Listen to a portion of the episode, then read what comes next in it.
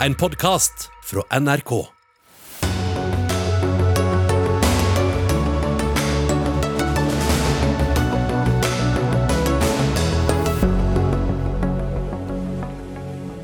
Mange jubler etter at omstridte regler for karantenehotell endres.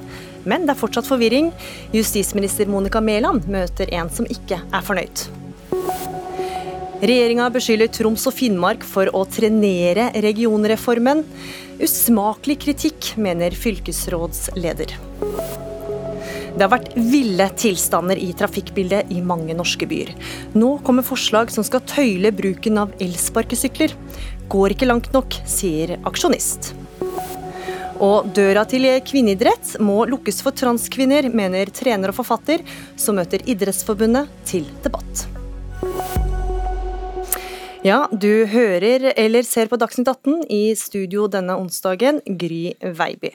Og I løpet av den neste timen skal det også handle om landets mest omtalte ulv. For da Arbeiderpartiet stemte for å fjerne buffersona for den genetisk viktige ulven, var det som å gi grønt lys for å skyte den, mener Venstre. Men først til karantenehotell, for det blir endringer i regjeringas omstridte regler for karantenehotell. Reisende til Norge kan nå tilbringe karantenetida utenfor hotell dersom man kan være på egnet sted. Hovedregelen er fortsatt at reisende til Norge må på hotell, men det innføres nå unntak også for folk som leier bolig i Norge. Og Monica Mæland, justis- og beredskapsminister, har enda, eh, hvordan har dere kommet fram til disse nye reglene for karantenehotell? Ja, Vi har jo fått litt erfaring nå med disse reglene, som vi dessverre var nødt til å innføre. Vi hadde jo et regelsystem som var basert på tillit, men når vi så at smittetallene økte og at importsmitten økte, så var det nødvendig å gjøre endringer på hvor man gjennomførte karantene. Og Det vi ser, det er jo at man like godt kan leie et sted som eie et sted og man kan faktisk like godt låne et sted uh, uten å betale for det, så lenge det er egnet. Mm. Og hva som er egnet, det er rett og slett en helsefaglig vurdering. For tidligere så var jo et argument at det var lettere å vise til at man eide enn at man leide. Hva har endra seg der?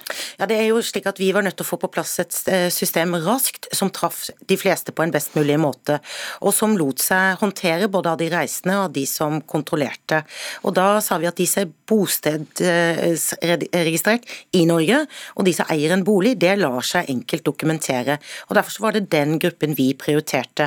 Eh, og Det var et ganske grovmasket system.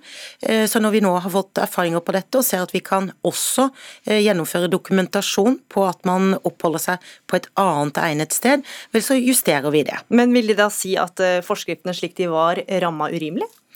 Nei, vi var nødt til å få på plass et system som rammet flest mulig, raskest mulig. Men vi ser jo nå når vi har fått litt erfaringer og får mange tilbakemeldinger, selvsagt, så eh, gjør vi endringer når vi mener at det helsemessig er forsvarlig. Men Så det er ikke det at de ble oppfatta som urimelig som gjør at dere endrer dette nå? Ja, Nei, de, de vil fortsatt eh, oppleves urimelig. Det er f.eks. For fortsatt ikke sånn at man kan reise hjem og dele eh, soverom og kjøkken og bad med kjærester og familie. Det er slik at man må ha egnede oppholdssteder hvor man har eget oppholdsrom, hvor man har eget bad og kjøkken. Eh, så fortsatt så vil mange føle at dette er urimelig, men fra vår side så er dette helt nødvendig. Men hva vil du si da til dem som kanskje landa forrige uke og som måtte bo på karantenehotell med småbarn fordi de leide leilighet? Ja, jeg forstår at det er vanskelig, men eh, som vi har sagt hele tiden, vi har vært nødt til å gjøre uh, raske tiltak. Og vi ønsket jo å unngå det vi gjorde tidligere i år, hvor vi stengte grupper ute som ikke fikk komme til Norge i det hele tatt. Så dette var en løsning der og da. Fortsatt er reglene svært strenge. Det er eh, karantenehotell som er hovedregelen, men vi gjør nå endringer eh, basert på at man kan dokumentere dette. Mm, og Fra når er det disse endringene kommer til å inntre? Ja, Vi sender nå i kveld på uh, forslag et, en, en, endring i forskriften som vi hører i 48 timer, og så får vi på plass forskriften i løpet av helgen. Mm. Vi har vært i kontakt med flere som jubler i dag, men vi skal høre at det ikke er alle som er fornøyde etter dagens regelendring. Og Elise Mikkelsen, du er med oss fra Trondheim og administrerer Facebook-gruppa Oss med familie eller kjæreste i utlandet under covid-19 2020. Du har en mann i USA som kanskje skal hjem til deg til jul. Hva er status nå? Ja, Status er det at vi venter på eh, at de her reglene skal bli litt eh, bedre for oss. Um, for nå er det jo sånn at Når han kommer hit nå, så må han i karantenehotell. Jeg leier bolig. Jeg har ett bad og ett kjøkken og ett soverom. Men jeg er altså villig til å gå i karantene med han i min bolig. Men derimot så er det sånn å forstå at hvis jeg da reiser ut av landet og tilbringer ei helg med han, f.eks. i Nederland, og jeg reiser tilbake eh, til min egen bolig alene, mens han også da må finne seg et hotell og karantene i. Jeg må også eh, jeg slipper også å fremvise negativ covid-test, mens det må han gjøre for å få slippe inn. Mm, så du har også måttet reise til Nederland, møtt mannen din der, for deretter å reise tilbake til Norge og bo i karantenehotell med han? Eh, ja, eh, men så er det jo også sånn at jeg har forstått at man kan ikke bo på karantenehotell sammen. Sånn at da blir vi da skilt på grensa. Sjøl om vi har da bodd sammen i ei helg eller i to måneder i et annet land. Hmm. Ja, Monica Mella, Det er jo mange skjebner her, hva vil du si til dem? Ja, For det første så er det slik at uh, hvis man har vært sammen i utlandet og kommer over grensen sammen, så kan man nå gå i karantene sammen hvis man er husstandsmedlemmer. Uh, det første innringeren bringer på bane, det at man er villig til å gå i karantene sammen, det er ikke Det endrer vi ikke på, fordi det er et brudd på karantenereglene. Karantenereglene gjelder, og det er ikke sånn at man frivillig kan velge Eh, å gå i karantene eller la seg smitte. Det er slik at karanteneregelen skal holdes av den som kommer og skal i karantene. Og Det betyr at mannen her må i karantene og holde avstand eh, hvis han skal oppholde seg eh, på et sted, og han må ha eget bad og kjøkken. Dette handler om smittevernfaglig eh, begrunnelse. Så jeg skjønner at dette oppleves vanskelig, men vi gjør det altså fordi vi så sterkt økende smittetall, vi så importsmitte, og det systemet vi hadde som var Eh, mer tillitsbasert, det fungerte rett og slett ikke. Og et alternativ var jo da eh, å stenge grensen for en del grupper. Det ønsket vi å slippe, fordi vi kunne ha et enda bedre system, selv om det òg oppleves eh, urimelig for veldig mm. mange. Mikkelsen, hva syns du om informasjonsflyten her, hvor lett har det vært å forstå disse reglene? Nei, altså Det er veldig vanskelig å forstå, fordi det står forskjellige ting på ulike sider. Det blir opplyst forskjellige ting eh, nesten hver dag. Regjeringen sine sider blir oppdatert nesten hver dag. og Det er ulike formuleringer, det er ulik ordlyd. og bare sånn som Når Monica Mæland eh, snakker nå, så er jeg fremdeles forvirra. Fordi eh, hvis jeg reiser ut av Norge for å være sammen med mannen min i et annet land, og så reiser vi tilbake igjen sammen. Så blir vi skilt på grensa. Jeg kan dra hjem, men han får ikke dra hjem sammen med meg. Eh, og så sier du det at du, det her er i henhold til smittevernfaglige regler. Eh, men det, jeg skjønner liksom ikke helt hvor smittevern kommer inn her. da. Mm. For det du sier, det er jo det at han er da mer smittsom enn meg. Mm. Nei, jeg sa faktisk og... ikke det. Jeg sa hvis dere reiser sammen over grensen til Norge, så sier vi at uh, husstandsmedlemmer som reiser sammen over grensen, også kan gå i karantene sammen. Mm. Men det første eksempelet ditt men, men, eh, nå skal vi videre Elise Mikkelsen, skal vi videre til deg, Bent Høie, helse- og omsorgsminister. Av alle disse som ble sendt på karantenehotell, hvor mange smittetilfeller har dere avdekka og eh, hindra at de gikk løs i samfunnet? Ja, Det har vi jo ikke en, et tall på, men det vi ser, og det er jo også vurderingene fra Helsedirektoratet og Folkehelseinstituttet, at dette har vært et eh, nødvendig og viktig tiltak for å redusere importsmitten. For Det er ikke alle som er på hotell som blir testa. Eh, sånn at, eh, men vurderingen er at dette har vært med på å begrense importsmitten. og Det er jo rett og slett fordi noen velger selvfølgelig å ikke komme til Norge når vi har den type regler. og Det reduserer også reisingen, som er viktig i denne situasjonen. Så I sum så virker dette Eh, og har vært medvirkende til at vi nå ser eh, at smittetallene i Norge igjen går ned, mens de økte, sånn som i mange andre land i Europa, før vi gjorde dette. Mm. På dagens pressekonferanse så slo du fast at det ikke kommer til å bli en julefeiring av det gode, gamle slaget. Men hva slags julefeiring da venter, sånn som f.eks. Elise, da, som eh, står i en spagat her med hva de skal gjøre med partner i utlandet f.eks.? Ja, det er veldig vanskelig når en er i en situasjon der det er veldig ulik smittesituasjon mellom Norge og andre land. Eh, da er det viktig for Norge å ha tiltak som hindrer at eh, vi får for mange smitta til Norge, som bidrar igjen til smittespredning. Og Det betyr at det er mange som får en annerledes jul. Eh, det er mange som er på sykehjem, som gjerne skal feire jul sammen med familien sin, men som får råd om at det ikke er lurt å ta permisjon i denne tiden. Og det er mange andre òg som har, går i, i møte en jul som er tøff. Mange er uten jobb pga. de tiltakene vi har innført for å begrense smittespredningen. Det gjør òg julen annerledes enn det en skulle ønske. Så Dessverre, sånt er det når vi har en pandemi. Eh, og tiltak mot smitte finnes det ikke som bare virker mot smitte, men som ikke òg har negative konsekvenser. Mm. Monica Mella, bare litt tilbake til disse karantenereglene. Hvordan skal dere sørge for at de blir overholdt? Ja, det er slik at eh, Vi skal få på plass et skjema som eh, den som reiser fyller ut, og som eh, gjør at man sier at man er kjent med reglene. Man opplyser hvor man skal oppholde seg. Det betyr òg at hvis politiet får tips om brudd på reglene, og det skjer jo dessverre, ja, så har man dokumentasjon på dette. Så På samme måte som vi hadde et type kjæresteskjema i sommer, så får vi nå et skjema som man kan fylle ut. Og Så forstår jeg at det er vanskelig å finne informasjon, og jeg forstår at det ikke er lett å bevege seg i dette terrenget. Men vi forsøker å informere så godt vi kan, eh, og det skal vi fortsatt eh, gjøre. Og vi forsøker altså å lage regler som omfavner flest på en best mm. mulig måte i en veldig vanskelig situasjon. Mm. Og Bent Høie, tilbake til jula her da. Hvilke regler er viktigst å overholde i jula? Det aller viktigste er rett og slett eh, å holde seg hjemme og ikke ha folk på besøk hvis du selv har symptomer. Mm. Og Det betyr òg at selv på julaften så må vi være forberedt på at ting kan endre seg. Hvis du våkner om morgenen og har symptomer, så må du faktisk ringe til de du har invitert og si dessverre, dere kan ikke komme. Eller ringe til de der du er invitert og si at jeg kan ikke komme. Og Det andre viktige det er å holde summen av antall nye mennesker som du møter nede. Så Selv om vi har åpnet opp for to kvelder der en kan ha ti gjester, så må ikke de komme på toppen av eh, en planlagt eh, jul med, med masse nye mennesker du møter. Da må en tenke at når jeg har den muligheten, så er det istedenfor eh, de andre møtene som en skal. Mm, vi skal innom et lite tema til, fordi Fremskrittspartiet er skuffa over at regjeringa ikke følger Folkehelseinstituttets oppfordring om å utvide åpningstidene for butikkene og Vinmonopolet før og under juletida. Da. hva er årsaken til at dere ikke følger eh, FHIs råd? Hovedårsaken til det er at vi følger opp de andre rådene som de har hatt på dette området. Og så opplever vi òg at bransjen, altså de som driver butikken og de som jobber der, så at de opplever egentlig at de skal klare dette uten å utvide åpningstiden. Og at de ansatte som jobber i butikken vår, de har stått på og står veldig mye på. Og både de som representerer de ansatte, altså fagforeningen, og de som representerer butikkene, sier at vi ønsker ikke å nå eh, si til folk at nå må du jobbe enda mer eh, etter jul. Eh, de òg fortjener å ha litt juleferie, og derfor har vi sagt at vi ikke har åpent butikk den 27.12., som var egentlig det som var var en av de mulighetene som vi hadde hatt. Men som bransjen sjøl sier, og de som jobber der, sier det, dette skal vi klare uten. Og vi har jo vist òg som befolkning at både i forbindelse med påske og pinse, så klarte vi å handle på en sånn måte at vi ikke bidro til økt smittespredning. Så det håper jeg vi skal klare denne gangen òg. Mm.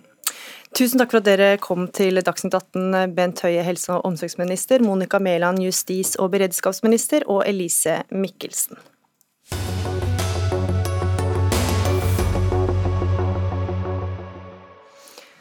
Da skal vi til en helt annen eh, debatt, nemlig debatten om kjønn i idretten, som igjen er oppe til diskusjon. For i en kronikk i Aftenposten skriver forfatter og utdannet barne- og ungdomstrener Frode Saugestad at vi må lukke døra for at transkvinner skal få konkurrere i kvinneklassen. Hvis norsk og internasjonal idrett ikke selv tar grep, spiller vi jentene våre ut på sidelinja, skriver du, eh, Saugestad. Og hva er problemet? Problemet er vel at uh biologiske menn har en stor fysiologisk fordel når det kommer til idrett, hovedsakelig pga. at vi går gjennom en mannlig pubertet, og testosteron er jo egentlig en sånn vidunderkur når det kommer til at vi blir raskere, større, sterkere, eh, annen kroppsbygning som tåler mer, mindre fett, mer muskler. Eh, så hele poenget er at jeg ønsker at vi skal ha en rettferdig idrett, eh, hvor også kvinner kan delta. Og at det ikke er så veldig interessant å se men som ikke vil hevde seg i herreklassen, gjør det bra i dameklassen. Og Så er det en veldig viktig ting at det handler om eh, en, en trygghet der også. Fordi at Hvis en, en, en mann på 1,90 og 100 kg skal være med i en kontaktidrett, og kan gå i takling med en kvinne på 1,70 og 60 kg, så sier det seg selv at det er en enorm risiko for eh, alvorlige skader for kvinner. og Det syns jeg jo er dumt. Mm, og Nå etterlyser du svaret fra eh, Norges idrettsforbund på hva de vil gjøre med dette? her? Ja, fordi at eh, de har jo ikke gått ut og avklart helt hva de mener. For det er også en, en del juridiske utfordringer med at man eh, kan endre juridisk kjønn og få retter i, i, samfunnet, i lovverk og forskrifter. Og i barne- og ungdomsidretten så er det nok at man identifiserer seg som, som jente om man er en biologisk gutt. Uh, og Jeg forstår behovet og ønsket om å ta vare og inkludere alle mennesker i samfunnet vårt. Eh, samtidig syns jeg at det er en, en, en, litt eh, dum vei å gå. fordi at det åpner også for en ekskludering av, eh, av halvparten av befolkninga vår fra denne trygge og idrettsgleden som jeg er sikker på jenter har like stort behov for som, som alle andre. Mm. Seniorrådgiver i Norges idrettsforbund, Håvard B. Øvregård. Du reagerer på måten Saugstad skriver om dette, hvorfor det? Nei, altså Det er fordi at, eh, at eh, drar opp en utfordring rundt toppidrett. og Det sier vi også i vårt svar, at der er det en kontinuerlig diskusjon. Men problemet, Hovedproblemet her mener jeg er at Saugestad definerer definerer vanskene som, som menn. Han bruker da pronomene han om ei transkvinne med vitende og vilje. Og Det mener jeg det er et eksempel på trakassering. Altså en, det er mulig å diskutere dette, men allikevel behandle folk med respekt. Og En person som vil bli omtalt som kvinne, den bør en kunne omtale som kvinne. og Det å skrive overskrifter om 'menn i kvinneidrett' når det er snakk om personer som identifiserer seg som kvinne, det, det, mener vi det er en standard som en ikke bør legge seg på. Utfordringa i norsk idrett det er at transkvinner og transmenn har en tro på at de ikke kan delta i idrett. De er redd for å delta i idrett. Og de deltar i idrett i veldig, veldig liten grad. Eh, og Det som er vårt viktigste oppgave når vi skal ha idrettsglede for alle, det er å bidra til at også transpersoner og personer med kjønnsinkongruens skal kunne oppleve en deltakelse i idrett og Utfordringa på toppidrett, som Saugestad beskriver, den finnes bare teoretisk i, i, Norge. Det er en problemstilling som er tatt opp og som er diskutert. Men hvis en leser Saugestad sin kronikk, så ønsker han at transkvinner skal være utelukka fra å delta i kvinneklasser i hele idretten. og Det er ødeleggende og i strid med vår visjon om idrettsglede for alle. Mm. Men, men poenget her er at selv om noen insisterer på å bli kalt transkvinne, så endrer jo ikke det de biologiske realitetene om at en mann som har gått gjennom en biologisk mannlig pubertet, er raskere, han er større, han er sterkere. Og hva er da definisjonen av en kvinne? Jo, det er et voksent hunnkjønn, og en transkvinne vil aldri kunne være et voksent hunnkjønn. Og da må man legge til side følelsene til disse individene og sørge for at det blir en rettferdig idrett for alle. Og hvis man da ønsker å inkludere transpersoner, så syns jeg det er kjempefint. Men måten man gjør det på, med at hvem som helst skal være subjektivt og definere hva de ønsker, åpner jo for en ekskludering av alle jentene. Altså, så det, det, du gjør, er at du forsvarer og trakasserer transkvinner med å påtvinge dem at de skal defineres som menn. Og det mener sånn, og det, det, som menn, men, men, du kan jo ikke konkurrere i kvinneklasse. Nei, men Øvregård, la oss gå til et konkret eksempel. Da, for Vi har jo sett utøvere som hevder seg i verdenstoppen, som har konkurrert i kvinnekategorien som mm. transkvinne. F.eks. den newzealandske vektløfteren Laurel Hubbard, som tidligere konkurrerte som mann, og som nå konkurrerer ja. som kvinne. Syns du det er rettferdig at hun skal konkurrere på lik linje som Eh, kvinner som er født biologisk som kvinne? Altså det som er at sånn, I toppidrett så har vi en konkurranseregelverk som er delt opp i kjønnskategorier. og For noen eh, konkurranser så er det delt opp også i vektkategorier. Fordi at sånn, Du nevner sånn, en kampsport mellom en på 120 kg og en på 60 kg. og Det kan være en kamp mellom to kvinner det kan være en kamp mellom to menn. Det er, det er lite rettferdig konkurranse. Og Derfor så er den delt opp i, i, kategorier. Eh, og Så er det da definert hva som er den kategorien, og så blir det presentert som det er entydig hva som er kvinne og mann. Det er faktisk et spekter. Der En har også diskutert liksom, hva skal en gjøre med de som er i det spekteret. Og den trua som vi har hatt i idretten på at det var bare å si kvinne og mann, og så skulle en slutte med det, den er ikke så enkel. Og da har vi regelverk av IOC først i 2004, så revidert i 2015. Og så er det det regelverket som en forholder seg til. Og da er Laurel Hubbard er et eksempel på en utøver som er innenfor den definisjonen på det regelverket nå. Så har IOC sagt at de kommer til å se på nytt på det regelverket etter Tokyo-OL. Eh, Rett og slett fordi sånn, dette er et område der det er veldig lite forskning, veldig lite forskningskunnskap. Det er en utvikling i området. Og så vil IOC se på det på nytt. IOC har som mål at det skal være rettferdig konkurranse mm. for kvinner på øverste konkurransenivå. Ja, og Saugstad, Det blir jo regulert av IOC, de har egne regler. Og så finnes det også kvinner med naturlig høyt testosteronnivå. Hva med dem? Jo, men poenget er Det finnes ingen biologiske kvinner med testosteronnivå som er i nærheten av det en vanlig mann vil ha. Og så er det jo et poeng her, da. Hvis IOC allerede i 2004 innfører regler for dette her, så er jo det et poeng og et tegn på at det er jo en stor forskjell på biologiske menn og biologiske kvinner.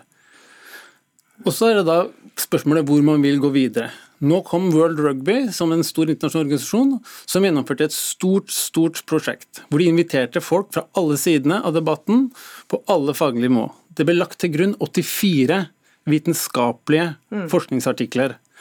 Og Hovedkonklusjonen et samla styre i World Rugby er at det er så store forskjeller på menn og kvinner at det vil aldri være rettferdig og det vil aldri være trygt å inkludere de i kvinneidretten. Mm. Så kan du si at ja, du kan godt ta hormonreduserende medisin, men igjen, på en annen side er det jo helt absurd at man må ta sterke medikamenter i et år eller to med store bivirkninger for å kunne konkurrere. Mm. Men selv om man gjør det, så vil de biologiske forskjellene være så store mm. at menn alltid vil være sterkere og bedre og raskere enn kvinner. Mm. Vi skal ha inn en eh, utøver her. og Ingrid Marie Egner, du er fysiolog og proffbokser. Eh, dette handler om å drive med en rettferdig idrett, skriver du i et innlegg på sosiale medier. Hva mener du med det? Ja. Eh, jeg mener det at det store spørsmålet her, eller det som er viktig her, er å beskytte kvinners rett til en rettferdig idrett. Det handler ikke om å ekskludere transkvinner fra idretten. Jeg syns de bør kunne drive med idrett. og også konkurrere i sin biologiske klasse. For eh, du sier at det er et spekter her eh, mellom eh, mann og kvinner, eller herrer og, og menn. Men i, biologi, men i, biologien så er det sånn at de som er født som menn, de gjennomgår en pubertet hvor de påvirker testosteron, som gjør at det, eh, kroppen deres blir sterkere. De får større muskelmasse, de får eh, sterkere skjelett. Eh, og de, blir, de får en del fysiske egenskaper som gjør at de vil være overlegne kvinner i idrett. Det er derfor vi også historisk sett eh, skiller mellom menn og kvinner i det idrett. Og eh, det er sånn at Dersom du reduserer hormonverdiene av testosteron en viss periode, så har man eh, tidligere trodd da, og gått ut ifra at da vil de stille på lik linje som kvinner eh, fysiologisk sett, men det gjør de ikke. Det eh, viser forskning. Jeg har bl.a. en artikkel med meg her fra Eh, British Journal of Sport Medicine, som viser at selv om menn går på en eh, testosteronreduserende eh, medisin over en periode, helt opp til to år, så vil de prestere mye bedre enn kvinner. Mm. Men samtidig så kan man jo si at en idrettskonkurranse aldri kan være helt rettferdig, for noen vil ha lengre bein eller noen vil bevege seg raskere. Så vil man noen gang klare å få en helt rettferdig konkurranse? Så idrett blir aldri 100% rettferdig, men det handler om å gjøre det så rettferdig som mulig. Og når vi vet at eh, menn som da gjennomgår en eh, testosteronreduserende behandling, kanskje presterer på, som de drar fram i artikkelen her, 12 eh, Eh, bedre enn eh, kvinner. Eh, det er da fra militæret i USA denne perioden. Så, vil, så vet vi også at marginen i topprettighet er liksom på 0,1% 0,5 Det er så mye. Og hvis de da presterer 12% bedre, så vil vi kunne risikere å se at i store konkurranser sånn som OL, at, at seierspallen i kvinneklassen er at det er transkvinner som står på toppen her. Mm. Og jeg mener ikke at vi skal ekskludere noen, men jeg mener at det viktigste her er å beskytte kvinners eh, rettighet til å drive rettferdig idrett. Og Det er millioner av kvinner som driver med idrett, og det, eh, den gruppen vi snakker om, det er en veldig liten, eksklusiv gruppe. Men eh, det at de har disse egenskapene ved å ha gått gjennom en mannlig pubertet, gjør at de aldri kan stille på lik linje fysiologisk sett mm. med kvinner. Og det er, det er det viktige, det er essensen her. Mm. Øvregård? Altså det, det, er uklarhet rundt effekten av testosteronreduksjon og, og hormonterapi. Eh, og, Der er det sånne ting som altså f.eks. når det gjelder eh, kroppsmasse, så er det noen resultat. Når det gjelder hemoglobin og, og, og O2-opptak, så er det andre resultat. Der er det slik at det blir, eh, det blir helt utligna. Etter en stund så vil du ha det samme eh, hemoglobinnivået som kan vil ha da blant cis-kvinner eh, hos en transkvinne. Og det er klart, sånn, Dette er et område der, som jeg har sagt flere ganger, sånn, IOC og den internasjonale idretten jobber med, og basert på den best mulige kunnskap, å sette regler som gir mest mulig rettferdig konkurranse. Samtidig som idretten har også et mål om at alle skal kunne delta. Og Vi har utøvere som er ekstraordinære, eh, og som egentlig liksom har et konkurransefortrinn mot nesten alle andre de konkurrerer med. Vi feirer de eksepsjonelle kroppene. Eh, og Da er det en utfordring å se hvordan skal vi legge en balanse der vi både tar vare på alles mulighet til å delta, og så sikre at kvinnekategorien blir opplevd som en rettferdig konkurranse. Men det viktigste for oss i Norge, det er ikke toppidretten. Det er breddeidretten. Ja. Det er der de bare- aller fleste Ja, deltar. Øvregård, og da vil, skal du få siste ordet, for dette her er jo en sårbar gruppe. Hva vil du si til dem nå som uh, er redd for at de ikke har en plass i idretten? Nei, altså Til deg som er ung transgutt eller transjente, eller til deg som er forelder til en transgutt eller transjente, så er meldinga fra norsk idrett veldig klar. Du skal kunne være trygg. Du skal kunne sende ungen din til idretten. Ungen skal kunne delta i den kjønnskategorien som ungen definerer seg som. Ungen skal kunne oppleve idrettsglede i tråd med sin kjønnsidentitet, og skal ikke oppleve trakassering. Det skal vi jobbe for, og det skal vi sørge for. Og så skal vi samtidig gjøre alt vi kan for å få rettferdig konkurranse på toppnivået i kvinneklasse. Og lenge, dette kommer ikke til å komme veldig, veldig kort. Som far til en jente som driver med kickboksing, jeg er ikke så sikker på om jeg syns det er ok at hun skal gå en kamp eller en trening Nei, men vet du hva, mot nå må en, jeg en faktisk sette biologisk strek. gutt som er 15 Nå har vi Frode. Saugstad, forfatter utdannet trent for barn og ungdom, Håvard B. Øvregård, seniorrådgiver i Norges idrettsforbund, og Ingrid Marie Egner, fysiolog og proffbokser. Takk for at dere var med i Dagsnytt 18.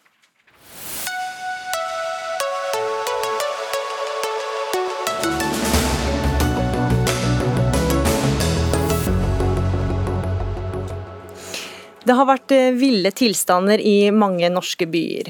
Men nå har regjeringa omsider, eh, omsider tøyle bruken av elsparkesykler etter flere alvorlige ulykker.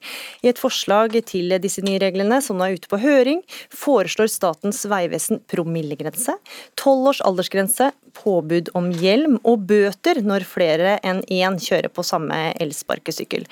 Og Stein Leikanger, du er grunnlegger av aksjonistgruppa på Facebook La oss ta fortauene tilbake, som har nærmere 15 000 medlemmer. Du mener at disse reglene ikke går langt nok. Hvorfor ikke det? Nei, vi gjorde en stor feil i 2018 da Samferdselsdepartementet slapp disse opp på fortau og gangveier som sykler. I alle andre land er de regulert som motorvogner, og man er underlagt kjøreforskrift for biler. I Norge så kan de suse rundt blant oss i opptil 20, 20 km i eh, timen, 6 meter i sekundet. De lovlige, de ulovlige kan kjøre mye fortere. Og Det finnes ingen regler som kan eh, ta tak i dem. Vi setter pris på at eh, Hareide har satt i gang dette arbeidet, for det er mye som må rettes opp. Adresseavisen sa at det viste seg å være en dårlig idé å la markedet og brukerne regulere bruken av disse. Vi må ha regler.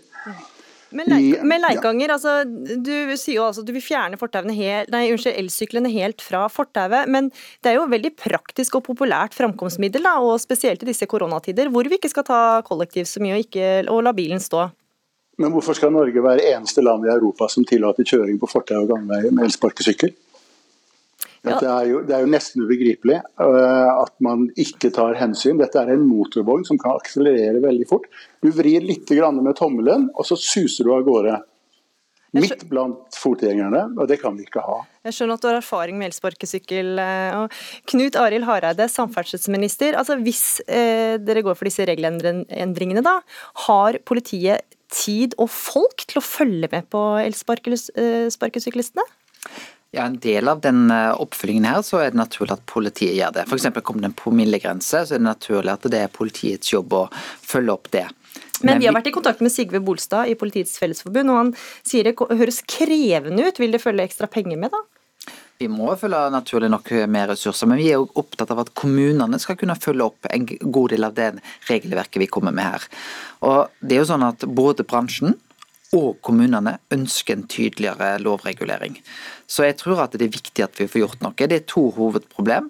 Det ene at det er altfor mange ulykker med elsparkesykler, og ganske alvorlige ulykker. Og det andre er jo det som går på parkeringsproblemet. Og jeg kan forstå at mange har vært frustrert over at elsparkesykler ligger slengt, skaper problem for eldre som er på fortau skal gå, eh, for eh, blinde svaksynte. Så vet vi at dette har vært en stor utfordring, så vi er nødt til å få bedre kontroll. Og òg det som eh, Leikanger tar opp her, dette med klassifisering, er jo òg noe vi skal se på her. Og vi må nok ha en omklassifisering dersom vi ønsker en promillegrense, annet. Hmm. Terje André Olsen, du er leder av eh, Norges eh, blindeforbund, og dere forteller at blinde har havna på sykehuset på vei til jobb fordi de har blitt påkjørt av elsparkesykler. Tror du det vil ta slutt med de nye reglene? Det håper jeg jo inderlig, men jeg tror jo at de reglene er veldig mye bra i. Eh, det som jeg kunne ønske at det gikk enda lenger, for jeg kunne også ønske at eh, man ikke hadde lov til å sykle på fortauene med disse elsparkesyklene. Det er motoriserte kjøretøy, og de har høy fart. Og dette er vanskelig å forholde seg til når en går på fortauet. Mm. Dere retter også skarp kritikk mot bransjen, som dere mener tjener penger på å hindre oss i å komme til og fra jobb. Hvilke grunnlag har dere for å si det? Det mener jeg at er fordi når man er, eh, ikke ønsker å ha innstramminger i parkeringsbestemmelsene, så, så, mener jeg at da eh, er man ikke innstilt på å, å prøve å få til et fartøy som er sånn at vi kan gå på.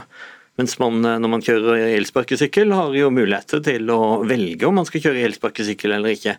Så er det sånn at eh, De står strødd nå, disse syklene, på vei til busstoppet mitt, så mitt alternativ er taxi.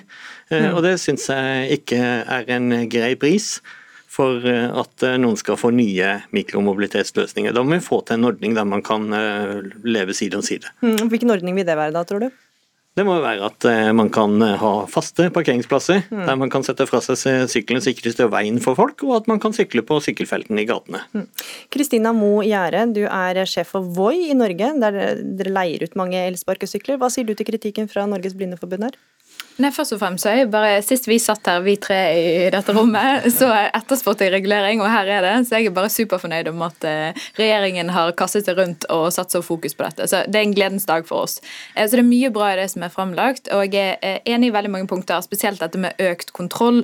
For det som er riktig, det er at bransjen faktisk har gjort veldig mye i dette med forsøk på selvregulering, og det kommer òg til parkering. Mm. Vi har innført sakte soner, som betyr at vi har satt ned hastigheten på spark sparkesyklene våre til 6 km i timer i gater som Karl Johan og Aker Brygge.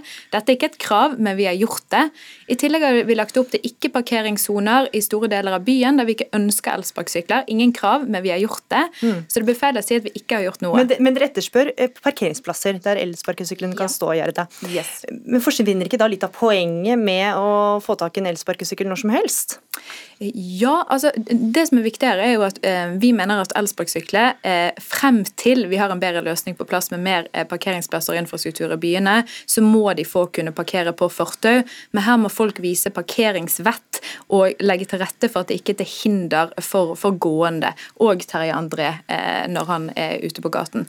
Eh, og her er det viktig å si at Terje André Eh, jeg, eh, Leikanger, bransjen, alle enige om at elsparkesykler ikke skal være til hinder for gående. Der vi jo eh, på en måte, vi har som bransje et ekstra premiss, så er det dette med at vi vil i tillegg til det legge til rette for mer bærekraftig mikromobilitet i byene våre. Hva betyr det? Det betyr at vi må sørge for at dette er noe som folk etterspør og folk ønsker i byene, og det må vi beholde også når vi nå kommer med ny regulering. Mm. Hareide, vi hører jo flere her som eh, kom, snakker om dette med å kjøre på fortauet. Hvorfor er det lov overhodet? Det er jo fordi at i Norge så er sykkel lov til å ha på fortauet. Det er det f.eks. ikke lov i Kommer du til Paris, så har du ikke lov å sykle med en vanlig sykkel på, på fortauet. Det er en del av det regelverket vi har hatt. og Derfor så ser vi òg på en omklassifisering. Eh, for elsparkesykler. Jeg tror eh, veldig få ønsker at eh, barn på 6 og 20 år ikke skal få lov til å sykle på fortau i Norge med vanlige sykler. Så vi må se på det. Men det er klart, det er en del av det regelverket. Jeg tror det er veldig fornuftig å få en aldersgrense. Det bør vi diskutere. Det bør kun være én på hver elsparkesykkel. Men, men Vegvesenet foreslår 12 års aldersgrense. Hvor strengt er det, syns du? Nei, Det kan vi vurdere. Det må jo være, nå skal dette på høring. Eh, det er høring i desember og i januar. og Så skal vi da lande dette i februar og mars. Men Hva syns du da? Eh, jeg tenker nok at eh, i alle fall en tolvårs aldersgrense, men kanskje òg høyere enn det. Men det som er viktig for meg, det er hjelmpåbud. Der er jeg nok mer usikker på om vi kan ha et hjelmpåbud. Fordi at Veldig mange tar bussen ned til byen, eh, og de tar ikke med seg hjelmen for da å ta en elsparkesykkel. Hvis de greier å få integrert hjelmer i elsparkesyklene, så kan det godt være at et sånt påbud kan komme om noen år. Den løsningen vet vi er der, men den er ikke tilgjengelig i dagens marked. Mm. Ja, Gjerde, er, det, er ikke et hjelmforbud kroken på døra for dere? Ja, altså, vi oppfordrer jo alle til å bruke hjelm, og hjelm er bra. Eh, vi, Men det er jo ingen som gjør det? Det er få som gjør det, men vi prøver å insentivere brukerne til å gjøre det. Denne uken lanserte vi eh, i applikasjonen vår at du får rett og slett reise gratis hvis du reiser med hjelm. Eh, og Det er et forsøk for å se om det vil insentivere brukerne til å ta i bruk hjelm. Så teknologien vil også muliggjøre ekstremt mye her. Mm. Når det er sagt, så er vi imot et hjelmpåbud. Rett og slett av den grunn er at vi ser at det er et inngripende tiltak som helt klart vil ta ned bruken. Og vi ønsker jo mer bruk av mer bærekraftig mikromobilitet i byene våre. Men det vi vurderer nå, er et hjelpepåbud bl.a. for de under 15 år. Mm. Leikanger, dere har gått til flere aksjoner i Oslo ved bl.a. å flytte elsparkesyklene ut i veibanen i, i protest. Er du ikke redd for at dere sjøl også er med på å skape trafikkfarlige situasjoner? Nei, overhodet ikke. I Los Angeles er det påbudt å sette elsparkesykler sånn som de gjør når du skal parkere dem. Du får ikke lov å parkere dem på fortau.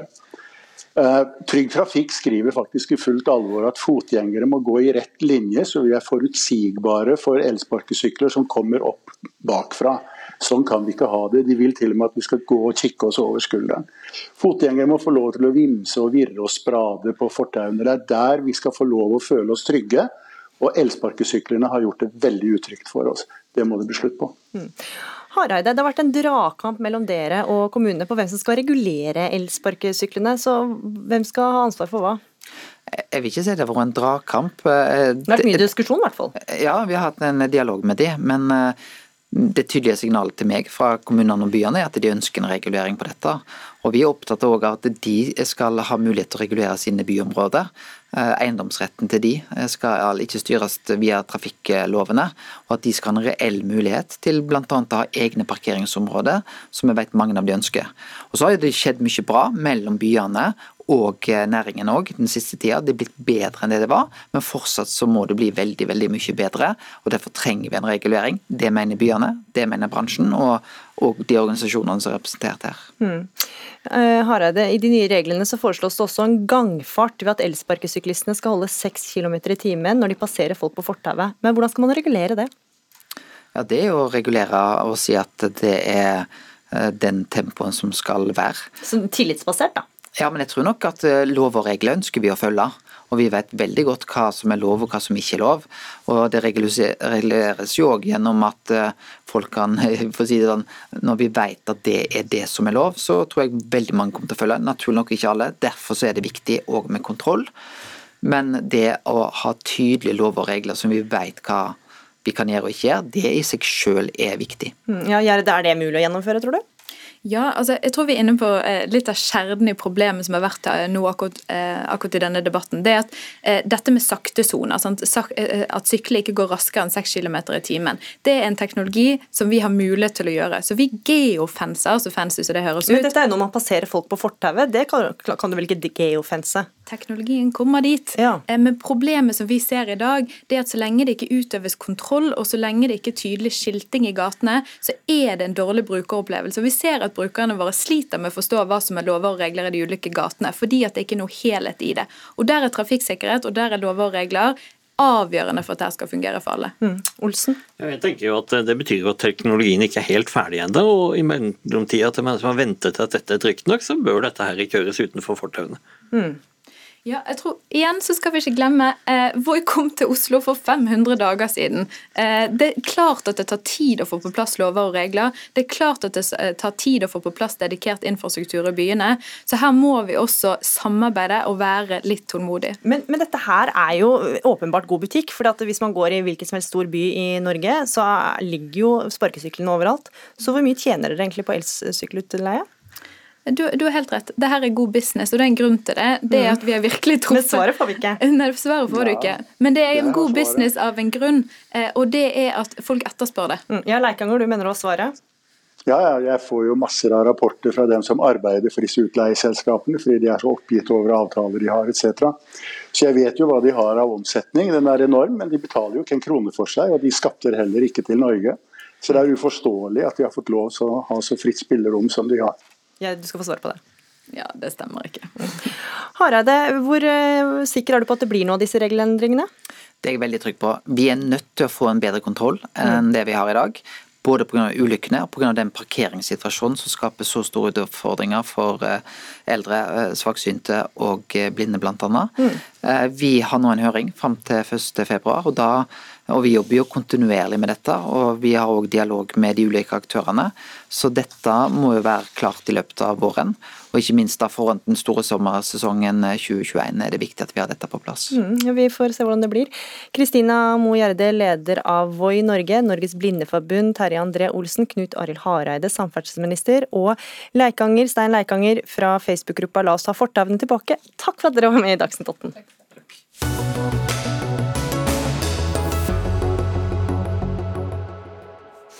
Ja, du hører ser på Dagsnytt 18, eh, og snart skal du få høre at det nye fylket Troms og Finnmark får kritikk av kommunalministeren for å trenere regionreformen og jobbe mot det Stortinget har vedtatt.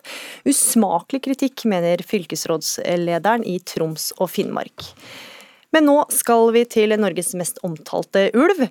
Eh, for Én ulv lever et langt farligere liv etter at et flertall i Stortinget fjerna buffersona som så langt har beskytta ham. Dette er en hannulv av finsk-russisk opphav som har funnet veien inn til den norske ulvestammen, en stamme som er prega sterkt av innavl. Og hannen Hunden, ulvehannen også, har blitt flytta en gang tidligere fordi genene hans er så viktige, og nå har han fått seg tispe og slått seg ned i Deisjøreviret, et revir som strekker seg litt utenfor ulvesona. Men rekker ikke regjeringa å flytte hannulven før han går utenfor sona, kan han nå bli skutt. For eh, det var et flertall som gikk inn for å endre rovviltnemndas fredning, og det flertallet besto av Senterpartiet, Fremskrittspartiet og Arbeiderpartiet. Og det fikk deg til å snerre mot Arbeiderpartiet. Ola Elvestuen, du er stortingsrepresentant eh, for Venstre og tidligere klima- og miljøminister. Du kaller Arbeiderpartiet for rovdyrfiendtlig. Hvorfor det? Det er jo et rovdyrfiendtlig parti som nå går sammen med Senterpartiet og Fremskrittspartiet for å åpne altså på jakt på det som er en veldig viktig ulv. Ulven i Sør-Skandinavia er prega av innavl. De er stort sett alle å regne som helsøsken, og vi trenger å ha de genetiske viktige inn. Den åpner de for, nå for å skyte. Det bryter med enighet vi har med Sverige, hvor vi er enige om at vi skal ta vare på disse ulvene. Og de endrer også de rovviltforlikene og forvaltningen av, av ulvesona, sånn som vi har hatt den tidligere, gjennom at de nå åpner for at uh, ulverevir som er innafor sona, men har noen områder utafor, de kan altså skytes mm. når de går over den grensa. Og Det vil rive flokker i filler. For nå er ikke buffersona lenger eh, freda. Runar Sjåstad, du er stortingsrepresentant eh, for Arbeiderpartiet. Hva sier du til at dere er rovdyrfiendtlige? Nei, Jeg syns jo at det er en påstand som faller på sin egen urimelighet. Vi står fast på de forlikene, vi står fast på den todelte forvaltninga. Vi ønsker en bærekraftig eh, rovviltstamme, men vi ønsker også å ta hensyn til beitenæring, både tamreindrift og, og ellers utmarksbeite. Sånn men hvilke at, konsekvenser tror du det vil få hvis, hvis eh, denne ulven går over når buffersona er fjerna? Det er klart at uh, ulvene beveger seg over store områder. Derfor er jo også uh, ulvesona rimelig stor. Så er det ikke sånn at en endring er gjort for å få has på denne ulven. Endringa er gjort fordi at man har definert en ulvesone og Da skal det være en høy terskel for å ta ut dyr inni, og så skal det være en lavere utenfor. Vi skal ikke stadig utvide de grensene. Men Ser du at en konsekvens kan bli at denne ulven blir skutt? Ja, Det er jo en fare når du åpner for jakt og, og du ikke kan eh, skille på hvert individ, så er det helt klart en eh, fare. Men da har man jo muligheter til f.eks. å flytte den inn i ulvesonen. Elvestuen, vi har jo ulvesoner. Hvorfor trenger denne spesielle ulven en buffersone i tillegg? Nei, for Det som skjer med ulven som denne, som har slått seg sammen med en tispe, er jo at den, den oppholder seg i sitt eh, revir. Og Dette er et revir der det ikke er beitedyr, det er ikke tamrein der. Det er ingen hast med dette vedtak, så hvorfor man skal gjøre det uten å ha vært i komité eller noe på Stortinget, er helt, er helt ubegripelig. Og så vil det være sånn, også rent dyreetisk, hvis du åpner for at eh, flokker som er inne i ulvesona, men har et revir som går litt utafor, hvis du kan ta ut enkeltdyr, da vil du kunne ta ut enten du kan lederdyr, lederdyr, du kan ha årsgamle kvalper, du kan skyte i filler det som er etablerte familier. Og Det er den endringen som de nå oppnår, som vi aldri har hatt tidligere. Tidligere, så Der ble det tatt ut også familiegrupper tidligere, men da tar du alle, og ikke å stå på grensa og ta enkeltdyr. Og Sjåstad, er... Sjåstad ulven vet jo ikke hvilken sone den er i? Nei, men nå er det sånn at også denne ulven har etablert seg inn i sonen, så er det en viss fare at den kan streife utenfor. Men eh, nå er det jo sånn at man har jo satt en kvote. Man har satt et antall dyr som skal tas ut. og Det er jo ut ifra at man har oppnådd og overoppfylt de bestandsmålene som Stortinget har satt. Og så er det sånn at Vi er for en soneforvaltning. og som sagt, Da skal ulven være helst inne i ulvesonen. Det skal være høy terskel for å ta den ut, og så litt mindre utenfor. Men dette er jo da en genetisk veldig viktig ulv, sier jo mange. Er du ikke enig i det? Jeg er veldig enig i det, og vi har ikke gjort denne endringa for å få has på den ulven. Og at det kan være en teoretisk mulig konsekvens, ja det må vi innrømme, men det er ikke det som er målet. Elvestuen, altså denne ulven har jo blitt flytta tidligere, kan han ikke bare gjøre det igjen da? Den ble flytta tidligere fordi den gikk inn i området med tamrein. Og Da skal vi selvfølgelig ta den vekk, fordi den er viktig. Men nå er den altså i et etablert område hvor det ikke er eh, sau eller beitedyr. Og Det er i hvert fall ikke noe der på vinteren, og heller ikke inne i dette gamle Deisjø-reviret på sommeren. Så, og den er jo sånn at Når den har etablert seg, så holder den seg der. Så Den kommer ikke, den går ikke på noen vandring til noen andre steder. Så det Arbeiderpartiet sammen med Senterpartiet og Fremskrittspartiet nå i praksis gjør, ved å tillate at en flokk som er litt utafor skal kunne skytes ut, er at de innskrenker ulvesona. Den kommer til å bli den blir nå i praksis enda mindre. Og den belastningen som er, den vil da, der, ha, der det vil være ulv, det vil være på et enda mindre område enn du har tidligere. Og det er ingen grunn til å gjøre det ut fra at dette skaper noen som helst slags eh, konflikt. Det med å ha disse buffersonene er helt standard prosedyre. Det hadde vi i fjor, det har vi hatt tidligere. Når disse viktige ulvene har bevega seg utafor ulvesona, som i 2019, så hadde vi også en beskyttelsessone omkring den. Eh, eh, som, som, gikk eh, når den beveger seg lenger vest. Mm. Så dette er sånn vi gjør dette. Men den forvaltningen har nå Arbeiderpartiet eh, endra på, og dramatisk endra på den. Mm. Fordi det blir helt annerledes akkurat med ulvesona og områdene utafor enn det som har vært tidligere. Og Sjåstad, Du også sier at dette er en genetisk eh, viktig ulv, men hvor viktig er denne ulven egentlig for dere når denne buffersona blir fjerna og det er større sjanse for at den kan bli skutt? Nei, Det er klart at så marginal som ulvestammen er i Norge, så er det viktig at man eh, med jevne mellomrom og gjerne i en femårssyklus får inn ferskt blod. Nå er det seks år siden sist vi hadde en lignende ulv inne. Man ønsker selvfølgelig at den skal være med og forplante seg. Nei, men Du kan ikke sette likhetstegn med det vedtaket som er gjort, og at denne ulven blir tatt ut. Og det er jo sånn at Vi også må ta distriktspolitiske hensyn når man har oppnådd bestandsmålene. Sånn at det at man skal få sørge for å ta ut de dyrene som er bestemt at skal ut, det er jo en viktig del av forvaltninga. Og det er sånn at Men det er ingen som har bestemt at denne skal ut? Ingen har sagt at denne skal ut. Det lå først i forslaget, og det var ikke en del av det vi støtta, og det ble også endra fra forslagsstiller. Hva, vil du si til dem som mener at dere kanskje har gitt for, litt for mye i kompromiss med Senterpartiet, da, som ikke akkurat er ulvevennlig parti? Nei, jeg vil si at eh, vi står på de forlikene, vi står på den todelte målsettinga, vi står på en eh, soneforvaltning. Vi ser viktigheten av å få inn ferskt blod. Vi setter ikke likhetstegn med det vedtaket som er gjort. Og det, og det er, ikke, det er ikke kompromissen dere har gitt for mye i? Nei, altså kompromiss. Vi må jo stemme for det vi er for og imot det vi er imot. Men så skal jeg jo si at det selvfølgelig ikke er enkelt internt heller. Det er delte meninger. Mm. Veldig kjapt til slutt, Elvestuen. Ja, det hjelper ikke om Arbeiderpartiet sier at de står for alle målsettingene, når den politikken de fører og de stemmer igjennom, gjør det mye vanskeligere å føre en god forvaltning og en god politikk for å ivareta ulvestammen i Sør-Skandinavia. all ulv i Sør-Skandinavia kommer fra fem ulv. Vi trenger nytt blod. Denne er kjempeviktig, eh, og da trenger vi å ta vare på den, eh, og ikke holde på på den måten som flertallet gjør på Stortinget.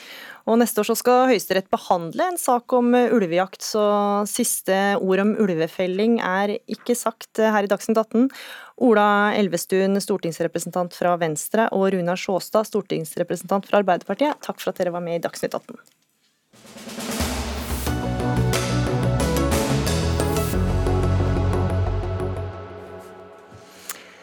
Den mye omtalte regionreformen fortsetter å skape trøbbel. Det nye fylket Troms og Finnmark har fått kritikk av kommunalminister Nikolai Astrup for å organisere seg mot et brudd mellom Troms og Finnmark. Nå ber han eh, fylkespolitikerne om å gjøre det de skal, og ikke jobbe mot eh, stortingsvedtaket. Det skriver eh, Dagbladet. Og dette kaller du usmakelig kritikk, Bjørn Inge Moe. Du er fylkesrådsleder i Troms og Finnmark. Hva er det som er så usmakelig? Nei, Jeg syns usmakeligheten i det her utspillet fra statsråden det registrerer at han fremstår med en arrogant ovenifra og ned-holdning i forhold til det regionale nivået i nord. Så, så jeg har lyst til å påpeke at eh, Troms og Finnmark fylkeskommune tar de oppgavene på alvor, men det kom ikke som noe stor overraskelse at et flertall i den nye fylkeskommunen faktisk hadde gått til valg på at man ikke ønska å videreføre denne sammenslåinga som ble tredd ned over hodet på folk. Og, Nei, fordi Du også har jo tidligere gitt uttrykk for at eh, du vil at regionreformen skal reverseres. Det er jo ikke så rart at dere får kritikk for ikke å gjøre jobben god nok? Ja, altså Jobben gjør vi på de områdene vi skal gjøre jobben. At vi har et politisk utgangspunkt som sier at vi skal reversere eller dele opp. Det betyr jo ikke at ikke vi skal ta på alvor den rollen som samfunnsutvikler, som faktisk regjeringa i mange frodige omtalte meldinger påpeker at vi har påtatt oss at det er vårt nye ansvar. Men samtidig så ser vi jo at jeg vil påstå at vi har gjort en mye bedre jobb enn hva kommunalministeren har gjort i forhold til at vi skal ta samfunnsutviklerrollen. For vi har fått en verktøykasse som er totalt tom fra regjeringa. Men til tross for det så jobber vi på håringen for å få det her til. Ja, Nå er ikke Nikolai Astrup her, men han har vist til deg, Kent Gudmundsen. Du er stortingsrepresentant eh, for Høyre. Forstår du at det kan oppleves litt umusikalsk at dere kritiserer fylkespolitikere for ikke å gjøre jobben sin godt nok? Nei, jeg tror vi skal minne hverandre om at denne saken har vært behandla flere ganger i Stortinget, et lovlig fatta vedtak. Og man må jo kunne forvente at de som er valgt som våre representanter i det nye store fylket, skal gjennomføre dette på en best mulig måte. Det, handler om å eh, ja, eh, få organisasjoner på å gå, levere gode tjenester til innbyggere. Det handler om båtruter langs kysten, fylkesveiene våre, ikke minst videregående opplæring. Det handler om å bruke penger på det. Og så ser vi oppslag om at eh, antallet ledere øker, flere direktørstillinger øker i lønninger. Altså, vi, vi har strukturer som er dobbel. Det er klart, Dette er å bruke ressursene på alt annet enn det som var intensjonen. Og, og nå er det ingen tvil om at Høyre og Frp som de eneste partiene på Stortinget har vært for en tonivåmodell, og at det ikke er flertall for det på Stortinget. Men når vi sa ja til å gå inn for disse regionene, så var det jo nettopp fordi at vi du skaper store, robuste regioner så skulle kunne løse de oppgavene som vi har rundt omkring i Norge på en bedre og mer effektiv måte i dag. Det gjør man ikke i Troms og Finnmark. Der eh, tar man heller omkampen og bruker pengene eh, på andre ting istedenfor innbyggernes og, og, tjenester. Og Mo, dere har jo også fortsatt to administrasjonssteder i et sammenslått fylke, og det har vært en økning i antall årsverk. Jeg har bare lyst til å parere til Kent Gudmundsen at det fylkesrådet som styrer Troms og Finnmark i dag, har fått en organiseringsmodell i fanget som er levert av fellesnemnda. Der har både Høyre og Fremskrittspartiet sittet og lagt opp til hvordan det nye fylket skal organiseres. Og ja, og vi har to administrasjonssteder. Vi har nesten 100 mil imellom de to administrasjonsstedene. Så det var, også, det var også et bærende forlik imellom de her fylkeskommunene, hvor de fleste partiene var med, herunder regjeringspartiene. Hvor man var enig om at man skulle ha en slik organisering av administrasjon. Så jeg tar altså ikke noe, Det er ikke vi som har forma administrasjon. Og når det gjelder fergerute og hurtigbåt, de skal gå, men der leverer heller ikke regjeringa på det området. Det er det er en tom peng, pengepott som kommer til fylkene. altså Mindre og mindre midler. Gudmundsen? For det første er ikke det siste rett. Eh, den nye rammeoverføringa til nyfylket øker med 100 millioner kroner sammenlignet med før sammenslåinga. Og når man eh, peker på at man skulle bruke begge stedene til å eh, fordele de administrative oppgavene på, så er jo ikke det det samme som man skal bygge opp to identiske strukturer og øke antall lederstillinger og bruke penger på den måten. Det går fint an å fordele disse stillingene mellom disse to stedene.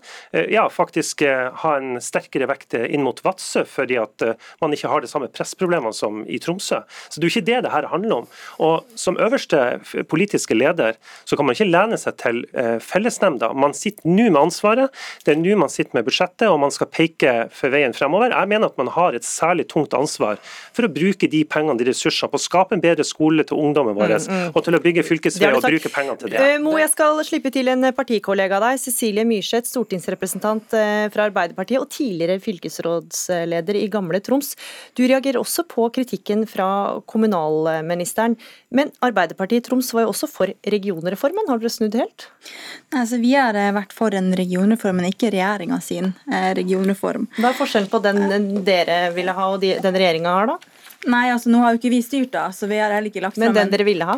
Vi ønsker jo å flytte makt, eh, flytte oppgaver eh, ut i regionene. Eh, det har jo ikke denne reformen vist seg å, å gjøre. I stedet for så har man altså sittet på et bakrom på Stortinget og tegna noen streker på et kart som, som, ikke fungerer. I tillegg så har man ikke overført verken oppgaver eller tilstrekkelig med midler. Og la meg ta ett eksempel. Bare det med at vi har en ny fylkeskommune, Troms og Finnmark. altså Det er rundt 800 km mellom Tromsø og Vadsø. Det er veldig lange avstander, det. Eh, og bare det å fly frem og tilbake mellom Tromsø og Vadsø koster ca. 5000 kroner. Eh, det sier seg sjøl at utgiftene for å drifte en fylkeskommune er ganske store, ganske mye større i Troms og Finnmark enn alle andre plasser i landet. Men Hvordan skal man løse det hvis man vil ha en sammenslåing? Vi har jo ikke gått inn for en sammenslåing. Arbeiderpartiet har stemt mot. Og vi sier også at om eh, Troms og Finnmark ønsker det, og Arbeiderpartiet vinner valget, eh, så kommer vi til å si ja til å oppheve denne eh, tvangssammenslåinga. Eh, det er et løfte, eh, løfte fra oss, eh, og det kommer vi til å levere på. og det er det som innbyggerne i Troms og Finnmark også ønsker. Ja, Gudmundsen, altså her, her, her sies det at man vil oppheve hele sammenslåinga. Jeg tror vi må se litt på hva som har vært forhistorien til at vi har havna der vi er i dag. Det med Debatten om regioner har jo holdt på i 20 år. Og Jeg har vært eh, sammen i fylkestinget med, med Cecilie Myrseth og diskutert nettopp regionreform. Jeg vet vi begge to har vært for det. Eh, og Vi har da snakka om Nord-Norge som en region, bl.a. Eh, det var jo Arbeiderpartiet i 2003 som da starta fylkesrådet og tok initiativ til det. Jo, men Poenget mitt er at dette er en prosess som har gått over lang tid, og man har prøvd å finne gode løsninger. Og Det er jo ikke noen kortere avstander når man snakker hele Nord-Norge, for å si det sånn. Så her må man jo bestemme seg. Hvis det er problemer med antall oppgaver som overføres, ja, så ta nå debatten om det, da. Mm. Eh, Nå prøver man jo heller å eh, ha fokus på reversering, som jeg mener er en helt annen debatt. Eh, den er ikke spesielt konstruktiv. Og jeg tror vi kommer til å lede hen til at eh, vi i stedet avvikler hele regionnivået, hvis det skal være på denne måten. Fordi problemene før vi hadde regionreformen, er jo ikke borte ved at man reverserer. Man har jo de samme utfordringene i forhold til hva fylkeskommunen skulle ha som funksjon, av antall oppgaver og hva den skulle løse. Og jeg mener at man er kommet mye bedre skritt på veien til eh, en regional utviklingsaktør med den måten vi har håndtert på, enn det man hadde ja, før. Det er dere veldig alene om å mene. Eh, men dere må være ærlige, eh, Kent Gudmundsen, for dere ønsker jo ikke dette regionale nivået. Så hvorfor skal man ha tillit til at dere skulle, skulle få til å styrke det? Dere har sittet med kommunalministeren og skulle gjennomføre denne regionreformen, og vi vet jo at den er kritisert nord og ned av en grunn. Og vi tar gjerne diskusjon på nytt om oppgaver. Problemet men, men, nå er jo reformen et faktum, da. Hvorfor ja. Fortsatt å kjempe imot? Kan altså, man ikke heller gjøre bedre det som er? Nei, altså Det er en grunn til, eh, grunn til, at man gjør det. Og Når man nå viser til alle de utfordringene som er med den nye regionen, eh, så viser vel det egentlig bare at det kanskje ikke er en så god idé å ha de to fylkene slått sammen. Og Da burde man jo ta lærdom av det. Da burde man lytte til både eh, innbyggerne i Troms og Finnmark, se, eh, se faktum at dette ikke fungerer, gjøre noe med det. Men jeg vil jo ikke være med på det premisset som både Astrup og nå Kent Gudmundsen legger på bordet, som om at at fylkespolitikerne i Troms og Finnmark ikke gjør det beste, samtidig som man ønsker at man skal oppheve reformen. Det er mulig å ha to tanker i hodet på en gang. Og en siste ting. Eh, man snakker om at man burde ikke ha to, eh, to steder, altså både Vadsø og Tromsø. Ja, Da må jo Høyre si hvilken plass skal vi ikke ha da? Altså Fylkespolitikerne fra Høyre i Troms og Finnmark har jo ikke akkurat kommet med noen andre forslag, og de har også gått inn for den modellen som vi har i dag. Nei, men det var overhodet ikke det jeg sa. Jeg sa at det må gå an til å drive funksjonsfordeling mellom disse to stedene på en sånn måte at man ikke driver med doble stillinger eller har et uh, mye mye større byråkrati enn det som er nødvendig. Og Det er jo ingen tvil om at antall lederstillinger og direktører og lederlønninger har økt etter at man fikk på plass denne reformen. Det er ingenting som skulle tilsi at uh, skulle skje. Tvert imot skulle man kunne drifte mye mer uh, effektivt og slagkraftig og kunne bruke mer av disse ressursene på å sikre en god videregående opplæring og satse på næringsutvikling og være en god regional utviklingsaktør. Og Når man nå hører på at man ønsker reversering, og så klager man på oppgavene, ja, da syns jeg jo at man burde bestemme seg. Hvis det er oppgavene som er fokuset, ja, så burde vi jo heller ta en debatt på veien videre før det. Mm. Mens nå er, kampen, ja, men da, Mm. nå er kampen på reverseringa. Mm. Og det er, jo, det er jo da vi på en måte får en hel ja, men det er jo da vi får en hel feil debatt. Fordi poenget må være hvordan vi eh, løser blir- oppgavene Det som blir en feil debatt, er når kommunalministeren eh, går ut og kritiserer fylkespolitikerne eh, som sitter i en veldig krevende eh, situasjon akkurat nå. Eh, på den måten man gjør det, er arrogant. Det er ignorant. Men de har jo hatt en økning i årsverk, og de har to Ja, administrasjonsenheter. Om man mener, mener at det er ille at man har fått noen ekstra stillinger, så burde man begynne med seg sjøl. Det har jo ikke vært så høy, høy vekst i eh, statlige ansatte som eh, under denne regjeringa, så kanskje man burde feie for eia dør først. Men eh, Det er ikke riktig. jo, det er faktisk helt, eh, helt Nei, riktig, Kent, eh, Kent Gudmundsen. Men uansett, eh, jeg tenker at kommunalministeren burde faktisk gjort det han ville gjort hadde dette fylket vært styrt av Høyre, høyrepolitikere. Da burde man jo faktisk være en støttespiller for å få dette til å fungere den tida man er igjen, så man får gode tilbud til innbyggerne ja, i Troms og Finnmark. Faktum er det at eh, når det kommer til eh, Og mer direktorater og strukturer, Ja, så har man får du flytta dessverre ut ikke lov til å si dessverre. Dagsnytt 18 er over. Fredrik Lauritzen, Lisbeth Sellereite og Gry Veiby, takk for følget. Og takk til dere, Cecilie Myrseth, Kent Gudmundsen og Bjørn Inge Mo, for at dere var med.